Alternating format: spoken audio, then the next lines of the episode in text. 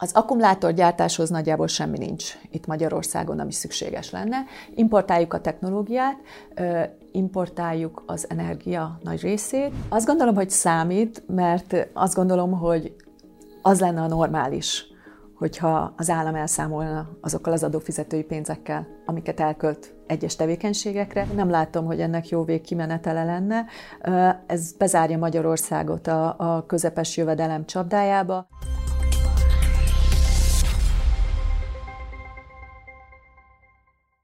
2023 egyik legkomolyabb gazdasági hírei az akkumulátorgyártás magyarországi kialakításáról szóltak. Hallhattunk helyi tiltakozásokról, emellett pedig párhuzamosan a kormány legalábbis kommunikációs szinten stratégiai ágazattá nyilvánította az akkumulátorgyárak ügyét. Hogy ez milyen következményekkel, kockázatokkal, hatásokkal jár, mind a lakosságra, mind pedig a magyar gazdaságra, erről beszélgetek Györfi Dórával, aki közgazdász, politológus, és most már évek óta a magyarországi és egyébként a nemzetközi akkumulátorgyártásnak a hatásaival foglalkozik. Köszönöm, hogy elfogadta a meghívásunkat. Köszönöm a meghívást. Hát induljunk egy picit messzebbről, a Gödi Samsung gyárról, hiszen azt gondolom, hogy ennek a gyárnak a, a megépülése és az azóta tapasztalt körülmények a legnagyobb oka annak, vagy legnagyobb kiváltója annak, hogy amikor bejelentették például a Debreceni akkumulátorgyár felépítését, akkor hatalmas volt a helyiek tiltakozása. Mit lehet ott tudni, milyen tapasztalatok vannak, mi volt a helyiek problémája, vagy mi a helyiek problémája a Gödi Samsung gyárral? A gödiek nagyon sokáig nem is tudtak arról, hogy az ő településeken akkumulátorgyár működik. Talán a második részlegnek az építésénél, amikor kellett egy, egy környezetvédelmi engedélyeztetés, akkor döbbentek rá, hogy náluk, náluk egy ilyen gyár ö, működik és, és nagyon rossz tapasztalataik lettek a következő években, amikor ez a gyár folyamatosan terjeszkedett, tehát hogy rendkívül megnőtt a, a zajszint a településen, rendkívül megnőtt a teherautóforgalom, és egyre inkább jöttek olyan hírek, hogy, hogy szennyezés kerül a talajba, illetve a vízbe, és talán a, a legkomolyabb problémát az, az akkor talán tavaly tárták fel, amikor a vízszennyezési adatokról kértek adatokat a cégtől, akkor ezt nem voltak hajlandók kiadni, és, és, és kiderült, hogy még a monitoring kutat is bezárták, miközben helyi civil szervezet, a Gödért Egyesület kimutatta ezt az NMP nevezetű oldószert a talajba, ami magzatkárosító hatású, és ez nagy valószínűséggel az akkumulátorgyár ból került, került ki ott, ott a helyi ö, talajvízbe, talajba. Talán 6000-en dolgoznak abba a gyárba, és 100-200 aki gödi helyi lakos, a többiek jóval távolabbról járnak be, tehát igazából ők nem látják ennek a gyárnak jóformán semmilyen előnyét. Ami leginkább megütötte a fülemet ebben, amit most elmondott a gödi esetről, az az, hogy hogyan lehet betemetni egy olyan kutat, ami arra hivatott, hogy a hatóságok, vagy az arra delegált szerv ellenőrizhesse a víz minőségét, pontosan azért, mert feltételezhető, ha nem is tudható, de feltételezhető, hogy ilyen típusú problémák előfordulhatnak egy akkumulátorgyár közelében.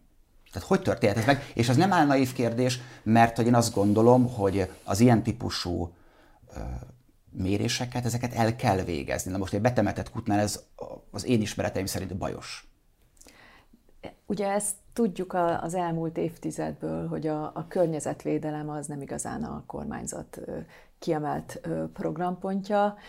A hatóságok függetlensége minden területen megkérdőjelezhető, és amikor egy stratégia ágazat érdekeit kell képviselni, akkor a cégek sokkal erőteljesebbek, mint a helyi társadalom. Várható-e itt bármilyen fejlemény, vagy ahhoz a, mind a kormánynak, mind a szabályozó szerveknek kellene másképpen működnie? Tehát az akkumulátor iparág az, egy, az Magyarországon stratégiai iparágá tette a kormányzat. Ahhoz, hogy ezek a cégek ide települjenek, ahhoz hát számukra kedvező feltételek szükségesek, ezek a számukra kedvező feltételek, ez a hatalmas állami támogatás. Tavaly tavasszal a G7 egyik újságírója kioszta azt, hogy minden egyes akkumulátoripari munkahely a 64 milliós kormányzati támogatásban részesül, tehát ez a, a átlagbér kb. 10 évre előre kifizetik ezeknek a cégeknek, emellett pedig biztosítják a nagyon laza munkavédelmi és a nagyon laza környezetvédelmi szabályozásokat, és miután az elmúlt években beruházások nagyjából tehát a, külföldi működőtőke beruházásoknak lassan 70-80 százaléka ebbe a szektorba érkezik. Ez azt jelenti, hogy Magyarország kiszolgáltatja magát ezeknek a cégeknek, és amikor csak egyetlen szektorra próbál építeni a kormányzat, akkor ennek az a következménye, hogy nagyon megnő a, ennek a szektornak a befolyása a döntéshozatalra, és, és éppen ezért, hát én őszintén szóval nem várom, hogy a környezetvédelmi szabályozások olyan nagyon erőteljesen szigorodni fognak. Mondjuk ki, hogy 2010 óta az autóipar az, ami a leginkább fejlődő, fejlődik, vagy fejlődőképes Magyarországon, tehát hogy ebbe beletartozik mind a, a járműgyártás, mind most pedig már az elmúlt években az akkumulátorgyártás. Ennek mennyi a valódi gazdasági haszna? Mert hogy valóban van egy egylábon állás, van egy, van egy hatalmas kitettség, de amíg mondjuk a 2010-es évek végéig arról volt szó, hogy különböző német és más, de egyébként európai autógyártók telepítettek ide különböző gyárakat. Most azt látjuk, hogy ezek jellemzően távol-keleti tulajdonú cégek vagy gyárak. Ez azért is érdekes, mert hogy az európai gazdaságok többsége a távolodást választotta Kínától, vagy a távol-keleti országoktól. Magyarország egy más politikát folytat. Megéri ez, vagy megérheti ez? Mi látszik most a számokból? Tehát mennyire turbózza ez fel a magyar gazdaságot? Szerintem egyáltalán nem éri meg, és ami látszik a számokból, csak egyetlen számot mondok, 2022-ben a, a magyar háztartási fogyasztás Bulgári után a legalacsonyabb volt az Európai Unió átlagában, tehát a magyar lakossági fogyasztás az 71%-a volt az uniós átlagnak, a bulgár az, az 69 2023-ban a magyar lakosság fogyasztása az visszaesett körül 3%-kal, a bolgár fogyasztás ugyanennyivel nőtt, tehát ez azt jelenti, hogy a magyar lakossági fogyasztás az Európai Unióban legalacsonyabb jelenleg nagy valószínűséggel a számok szerint, tehát nagyjából ennyire sikeres ez a politika, hogy bőven... Ennek azért sok más eleme is van. Ez biztos, hogy sok más eleme van, csak, csak ez, ez mégiscsak egy jelzés, és akkor ehhez hozzáadódik, hogy ezen a helyzeten még ront az a stratégia, ami, ami most, amit most választ az akkumulátorgyártással a kormány. Ennek az indokai a következők. Az akkumulátorgyártáshoz nagyjából semmi nincs itt Magyarországon, ami szükséges lenne. Importáljuk a technológiát, importáljuk az energia nagy részét. A, a, a víz az mindig kérdéses, ez rendkívül vízigényes tevékenység, és 2022-ben Debrecenben ez azért is okozott akkor a felindulást, mert az volt az a rendkívül a szájos év, aki, amikor tényleg mindenki szembesült a klímaváltozás várható következményeivel. A 23-as év nem volt annyira a szájos, de ezek az a szájos periódusok, ezek, ezek, ezek ismétlődhetnek. Emellett munkaerőhiány is van, és, és a migráció ellenes kampányok után most már a kormányzat arról beszél, hogy hány százezer vendégmunkást szükséges fogadni, és akkor ezek ázsiai vendégmunkások, akik ide jönnek Fülöp-szigetekről, Vietnámból, Mongóliából, korábban már voltak itt Ukrajnából, és ami még lehetőség lenne, az az, hogy a magyar cégek bekapcsolódnak ebbe az akkumulátor értékláncba, de ezt sem látjuk. A, a Nemzeti Akkumulátor Stratégia nem is vár ilyet, és, és amit, amit most látunk az az, hogy amikor ide települ egy akkora cég, mint a CATL, akkor, akkor azzal párhuzamosan ö, érkeznek vele a beszállítói is, tehát hogy még a műanyag elemeket is egy külföldi működő tőkével alapított cég gyártja, és nagyon fontos, hogy ezeknek a cégeknek a kormányzat megadja azt az elképesztő mértékű állami támogatást, amit a, amit a CATL-nek is megígért. Tehát ennek nagyságrendje az azt, azt illusztrálja az, hogy egy 10-15 százalék közvetlen támogatás maga, készpénzben a beruházása, tehát ez, ez adófizetői pénz, elvileg a foglalkoztatás bővítésére, de most már egyre inkább adják ezeket a direkt támogatásokat, anélkül is, hogy foglalkoztatás bővülésről beszélhetnénk, és emellett ezeknek a cégszám, ezeknek a cégek számára megépítik a, a szükséges infrastruktúrát, tehát ez közlekedési infrastruktúra, elektromos áram, hálózat, gázhálózat, és és nagyjából igazából nincs nagyon magyar hozzáadott érték. A nyersanyagokat szintén mint ö, importáljuk, ami azt jelenti, hogy a, az itthon gyártott, akkumulá- Magyarországon gyártott akkumulátorok értékében mondjuk 80%-nyi az import és éppen ezért még a, még a nettó export hatás is, is, is kérdéses ezeknél, a, ezeknél az akkumulátoroknál. És akkor, akkor mi marad Magyarországon mindebből? A szennyezés az biztos, tehát adjuk a helyszínt, meg, meg adjuk a vizet, és akkor ezen túlmenően a, a profitot a cégek kiviszik, de nagyon fontos, hogy ez a gyártási folyamat, és, és van az úgynevezett mosolygörbe, ami azt jelenti, hogy a, a kutatásfejlesztés, az értékláncnak a kiépítése, illetve az értékesítés és az értékesítés utáni szolg, szolgáltatások azok, amik igazán nagy hozzáadott értékkel bírnak, tehát a, a legkisebb profit a gyártáson van, de miután ezek külföldi cégek a, a profitot kiviszik, és emellett még, hogyha magyarok dolgoznának itt magyar fizet, magas fizetésért, akkor, akkor ugye azt itthon elköltik, akkor az is egy többlet a gazdaság számára. De miután itt vendégmunkások dolgoznak, akik azért jönnek ide két évre, hogy minél többet hazautalhassanak a családjuknak, kapnak étkezés, szállást, nagyjából el vannak szigetelve, és lehetőleg napi 12 órát dolgoznak, tehát nem, nagy valószínűséggel nem Magyarországon költik el a, a, a jövedelmüket.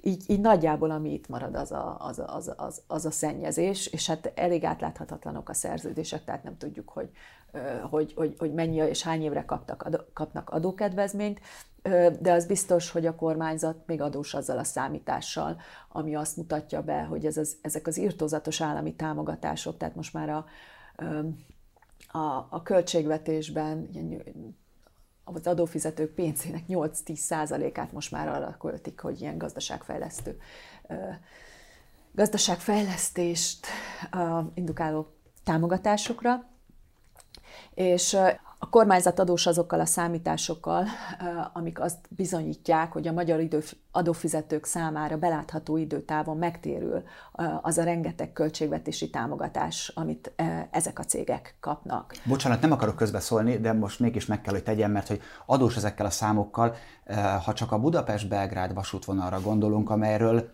publikus, hogy soha nem csak a mi, hanem a, a legszületésabban kimondható szép unokák leszármazóinak sem fogja soha visszahozni ezt a befektetést, amiből ez felépül, akkor tulajdonképpen számít ez, hogy majd egyszer kijön az a, az a hogy nem, nem éri meg?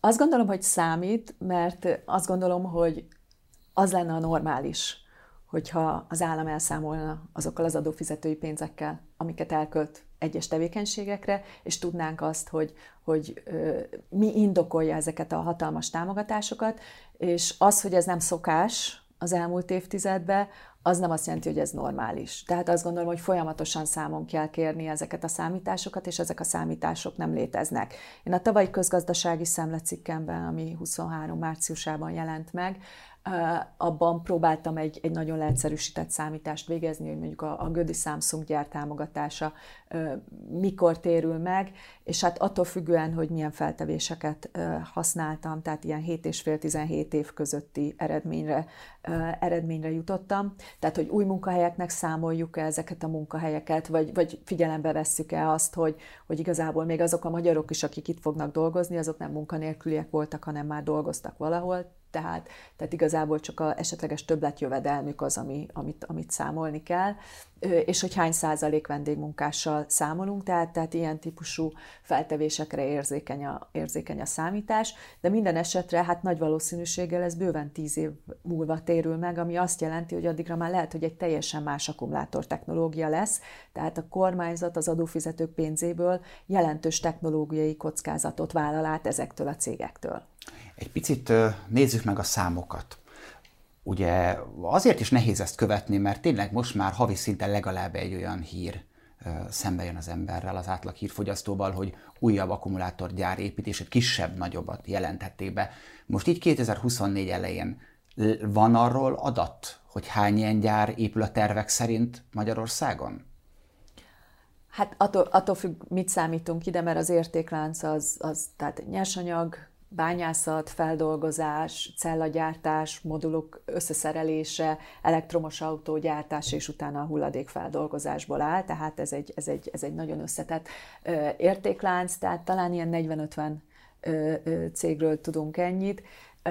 Eddig, és, és akkor erre az állami támogatásokat azt, azt soha nem szokták nagyon hangosan hozzátenni, hogy akkor, amikor bejelentenek egy ilyet, akkor mennyi állami pénzt kapnak, de úgy kell számolni, hogy, hogy minden egyes alkalom, amikor bejelentik azt, hogy nem tudom, egy ilyen 3000 milliárdos beruházás érkezik, akkor, akkor tudható, hogy annak alsó hangon van egy, egy, egy 10-15 százalékos adófizetői támogatás, ami, ami azzal együtt jár, és nagyon fontos, hogy amire rámondják, hogy mondjuk 3000 milliárd, akkor az a gyártósor, az a 3000 milliárd, a, a konkrét pénzt, az pedig az állam rakja bele közvetlen támogatásként, tehát a, azt a, a CETL esetén a 320 milliárdnyi támogatást mondanak eddig, majd meglátjuk, hogy az Európai Unió ezt jóvá hagyja illetve még ezeken felül vannak az infrastruktúrális beruházások. Ezt akartam mondani, hogy az utak felújítása Így vagy van, kiépítése. És az, az, az, az még tehát, hogy 15% a közvetlen támogatás, és egy 15-20% még hozzájön a, a, az infrastruktúrális támogatással együtt,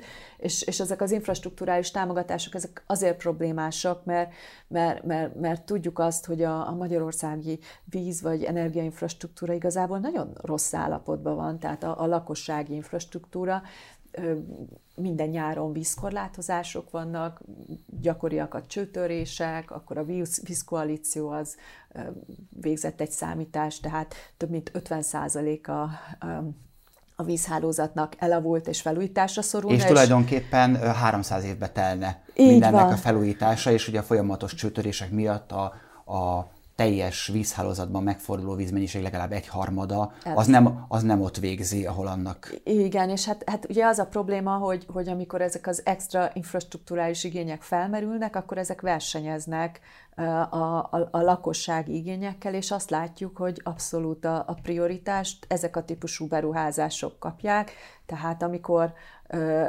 amikor nem, két éve volt arról szó, hogy, hogy a Velencei tavat regenerálni kellene, és arra kellene 40 milliárd, arra nem volt 40 milliárd, de a, a SK Iváncsai gyárának, a, a vízhálózatának a fejlesztésére pont volt 40 milliárd, és, és, és ugye ezek, ezek egymással versengő projekteknek tekinthetők, és jól lehet látni, hogy, hogy, hogy mik a kormányzati prioritások. Beszélgessünk egy kicsit a kormányon kívül azokról a problémákról, amiket felvetett. Importált technológia, ezt a részét értem, hiszen Magyarország nem, nem akkumulátor nagyhatalom már, mint ami a technológiát érinti. A víz és az energia szükséglete az akkumulátorgyártásnak az pontosan hogyan érthető, hogyan elmagyarázható egy olyan átlagembernek, mint nekem, aki maximum annyit tud, hogy az ő autójába független attól, hogy ez nem egy elektromos autó, van benne egy akkumulátor, ami hogyha lemerül, az baj.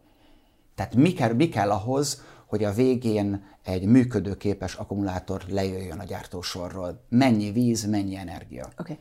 Okay. Az energiaigényt azt úgy lehet megérteni, hogy egy kWh akkumulátor kapacitáshoz 40 kWh energia kell, ennek a fele áram, és ennek a, a fele gáz. És akkor az akkumulátor gyártás folyamata, ugye ez kezdődik a cellagyártásról, ahol a anódot és a katódot állítják össze, akkor ezeket a cellákat modulokká szerelik össze, és akkor a modulokból építik fel az akkumulátor, tehát ezek az akkumulátorok ilyen 3-500 kilók, és nagyjából a, a, a teljes als, alvázat ö, ö, elfoglalják az elektromos autókba, amik így egyébként sokkal nehezebbek, mint a, a hagyományos benzines autók, tehát egy ilyen 30%-kal ö, ö, nehezebb autók. Ö, és nagyon fontos, hogy a technológia az folyamatosan fejlődik, tehát ez a, ez a 40-szeres szorzó, ez, ez valószínűleg fog lefelé menni. De, ha de ez még így ezt... is nagyon sok. Tehát, a, a, tehát ez azt jelenti, hogy mondjuk egy 100 gigawatt órányi gyárnak az energia szükséglete az, az mondjuk 4000 gigawatt órány, órányi. Ezt már és szerintem egy átlagember elképzelni sem tudja. Igen, igen, igen, igen. Tehát ez a, a paksi éves teljesítményének a negyede. Tehát ez nagyon sok. És akkor, és akkor nagyon fontos, hogy Magyarország energiaimportőr, tehát a, a gázt azt importáljuk Oroszországból, és még az elektromos áramot is 20-30%-ban importáljuk, és hát azért is problémás, mert hogy ehhez nem csupán az, energi- az áram szükséges, hanem ehhez hálózat is szükséges. Tehát amikor, amikor ekkora terhelés, tehát ekkora mennyiségű energia kell, akkor, akkor hozzá kell építeni a, a hálózatot. És ugye ez azért is nagyon érdekes, mert nem régen volt itt nálam a Napelem Napkollektor Szövetség elnök, aki azt mondta, hogy nagyon sok embert azért nem engednek a saját napelemével fölcsatlakozni a hálózatra majd csak évekkel később, mert az infrastruktúra nem bírja el, és hogy nem tudják ezt ilyen mértékben fejleszteni többek között az elmúlt évek meg a rezsicsökkentés hatására, amikor ezek a fejlesztések elmaradtak.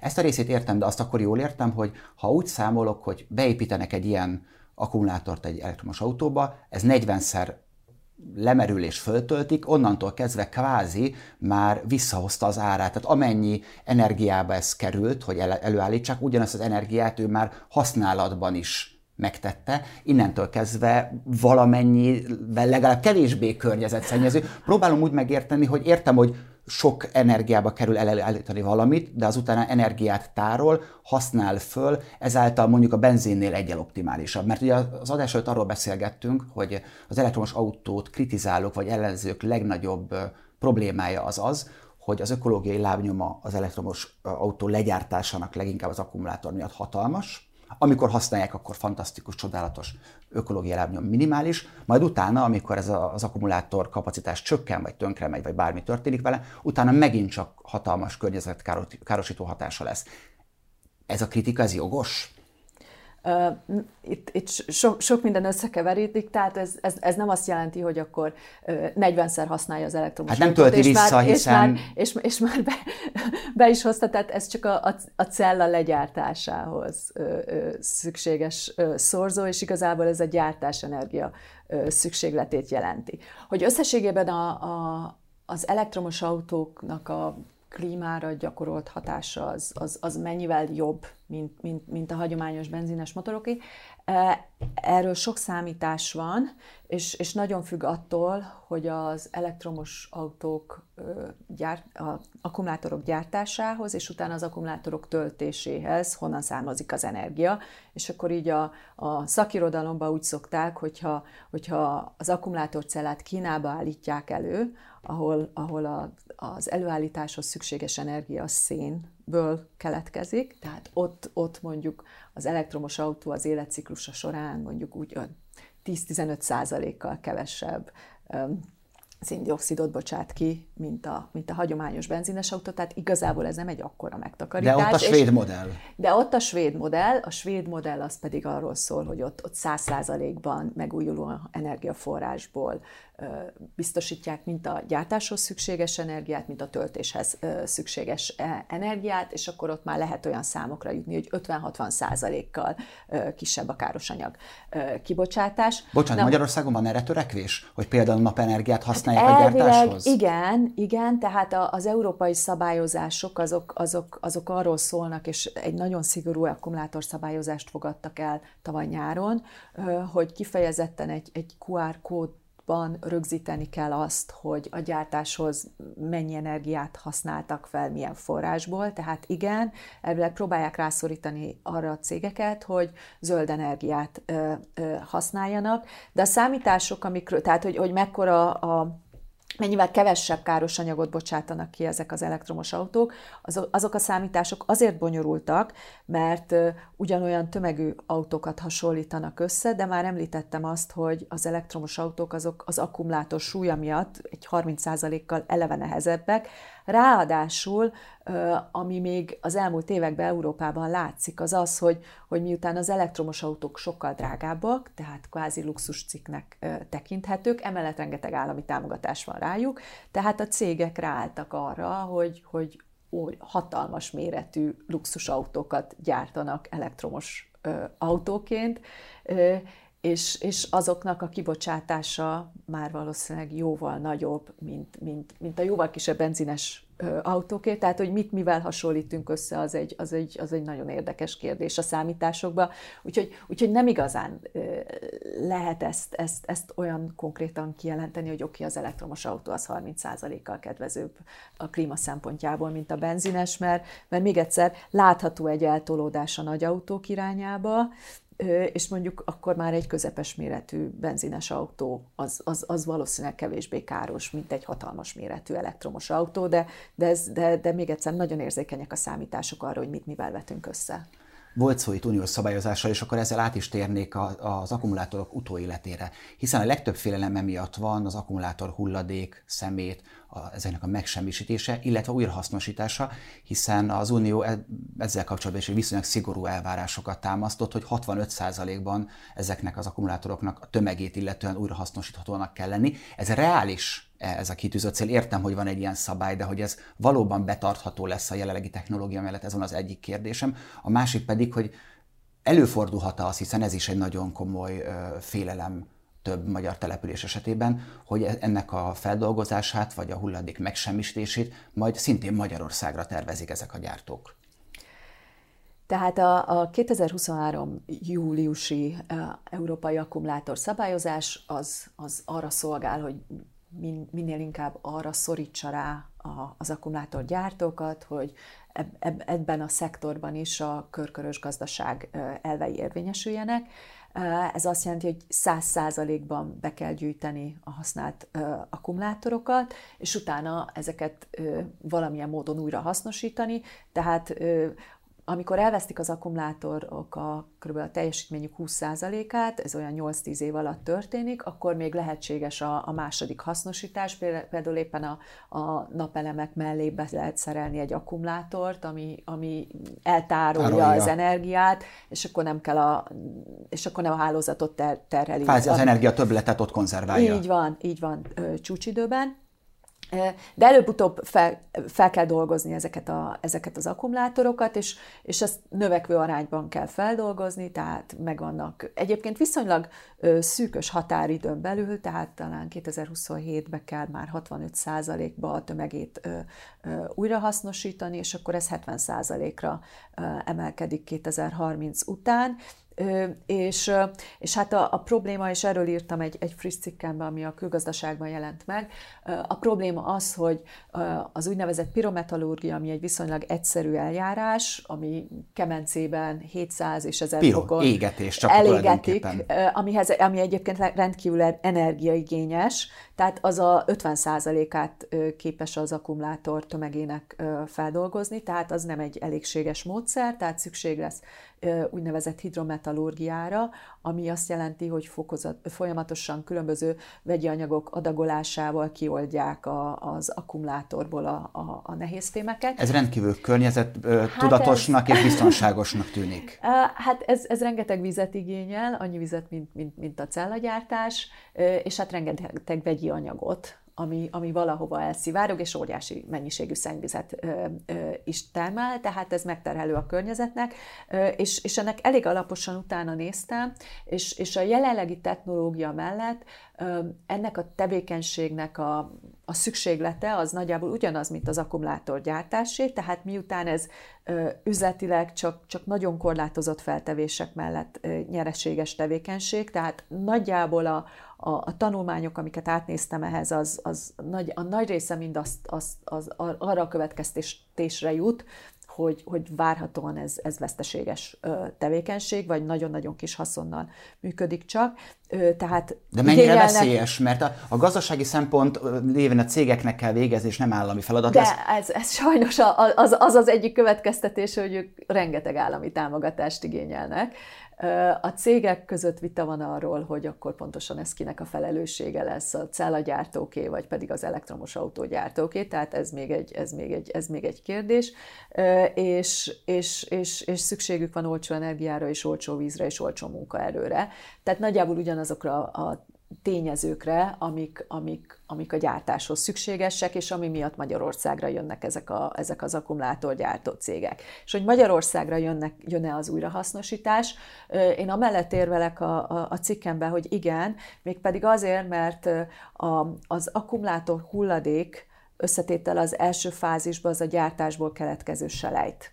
Tehát először azt kell feldolgozni, tehát mindig, amikor egy, egy, egy, egy cég elkezd akkumulátorokat gyártani, akkor, akkor elég nagy mennyiségben selejtet gyárt, amíg be, beállnak a, a, a gépek, és ezt a selejtet valahol fel kell dolgozni, és lehetőleg közel a gyártáshoz, mégpedig azért, mert a újrahasznosításnak az egyik legnagyobb költsége a az szállítás. a szállítás, az pedig azért van így, mert egy rövid zárlatos akkumulátor, ha kigyullad, akkor a teljes szállítmány leég. És emiatt nagyon szigorú ENSZ szabályozások vonatkoznak arra, hogy ezeket a veszélyes anyagokat milyen engedélyekkel és milyen módon és milyen csomagolással lehet szállítani, és ezek olyan szigorú szabályozások, hogy nagyon-nagyon drága a szállítás, és, és ebből adódóan, tehát minél közelebb a gyártáshoz, annál jobb.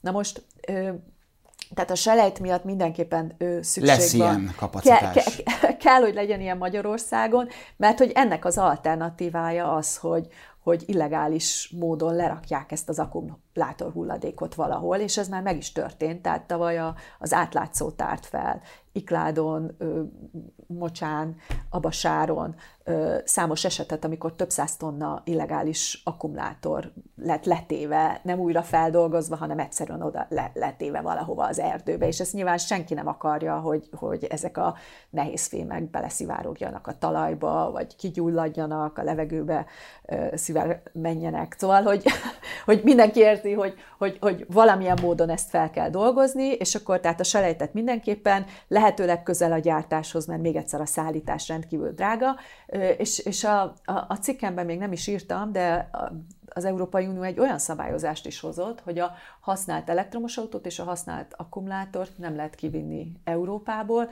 sőt, még az úgynevezett ö, fekete masszát sem. A fekete massza az a, az a legértékesebb fémeket tartalmazó ö, katódpor, és ezt sem, lehet, ezt sem lehet kivinni, tehát ezt Európán belül kell, kell megoldani, és hát ott, ott, ott fogják megoldani, ahol... Amúgy is tártkarokkal várják ahogy, az akkumulátorgyárakat. Így van, ahol, ahol amúgy, is, amúgy, amúgy is kiváló fel, körülmények vannak a gyártáshoz, tehát azok a kiváló körülmények a hulladék feldolgozáshoz is, és például ami most Sóskúton folyik vita, hogy az Andrada cég oda települjön akkumulátor hulladék feldolgozó cég.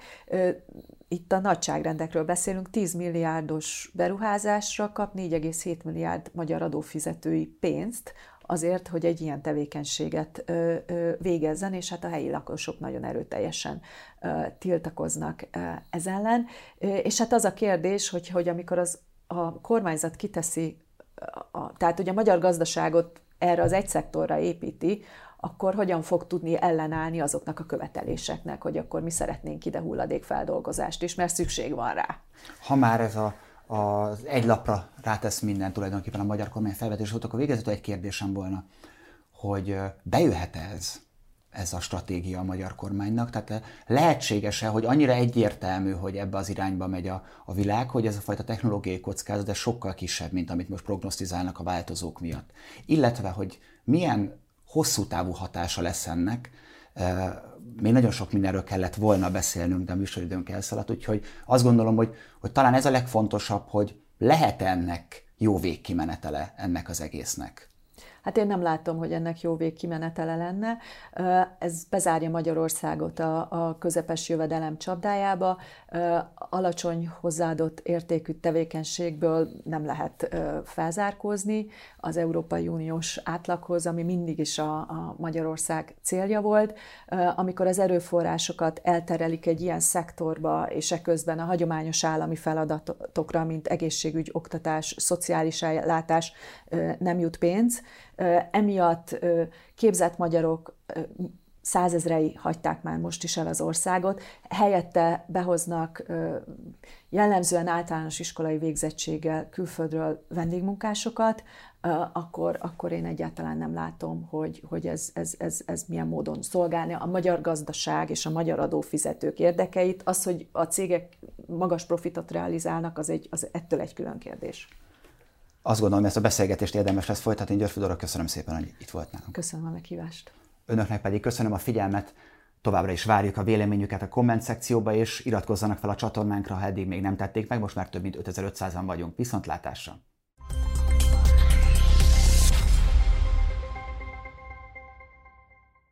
A műsor a Béton partnere.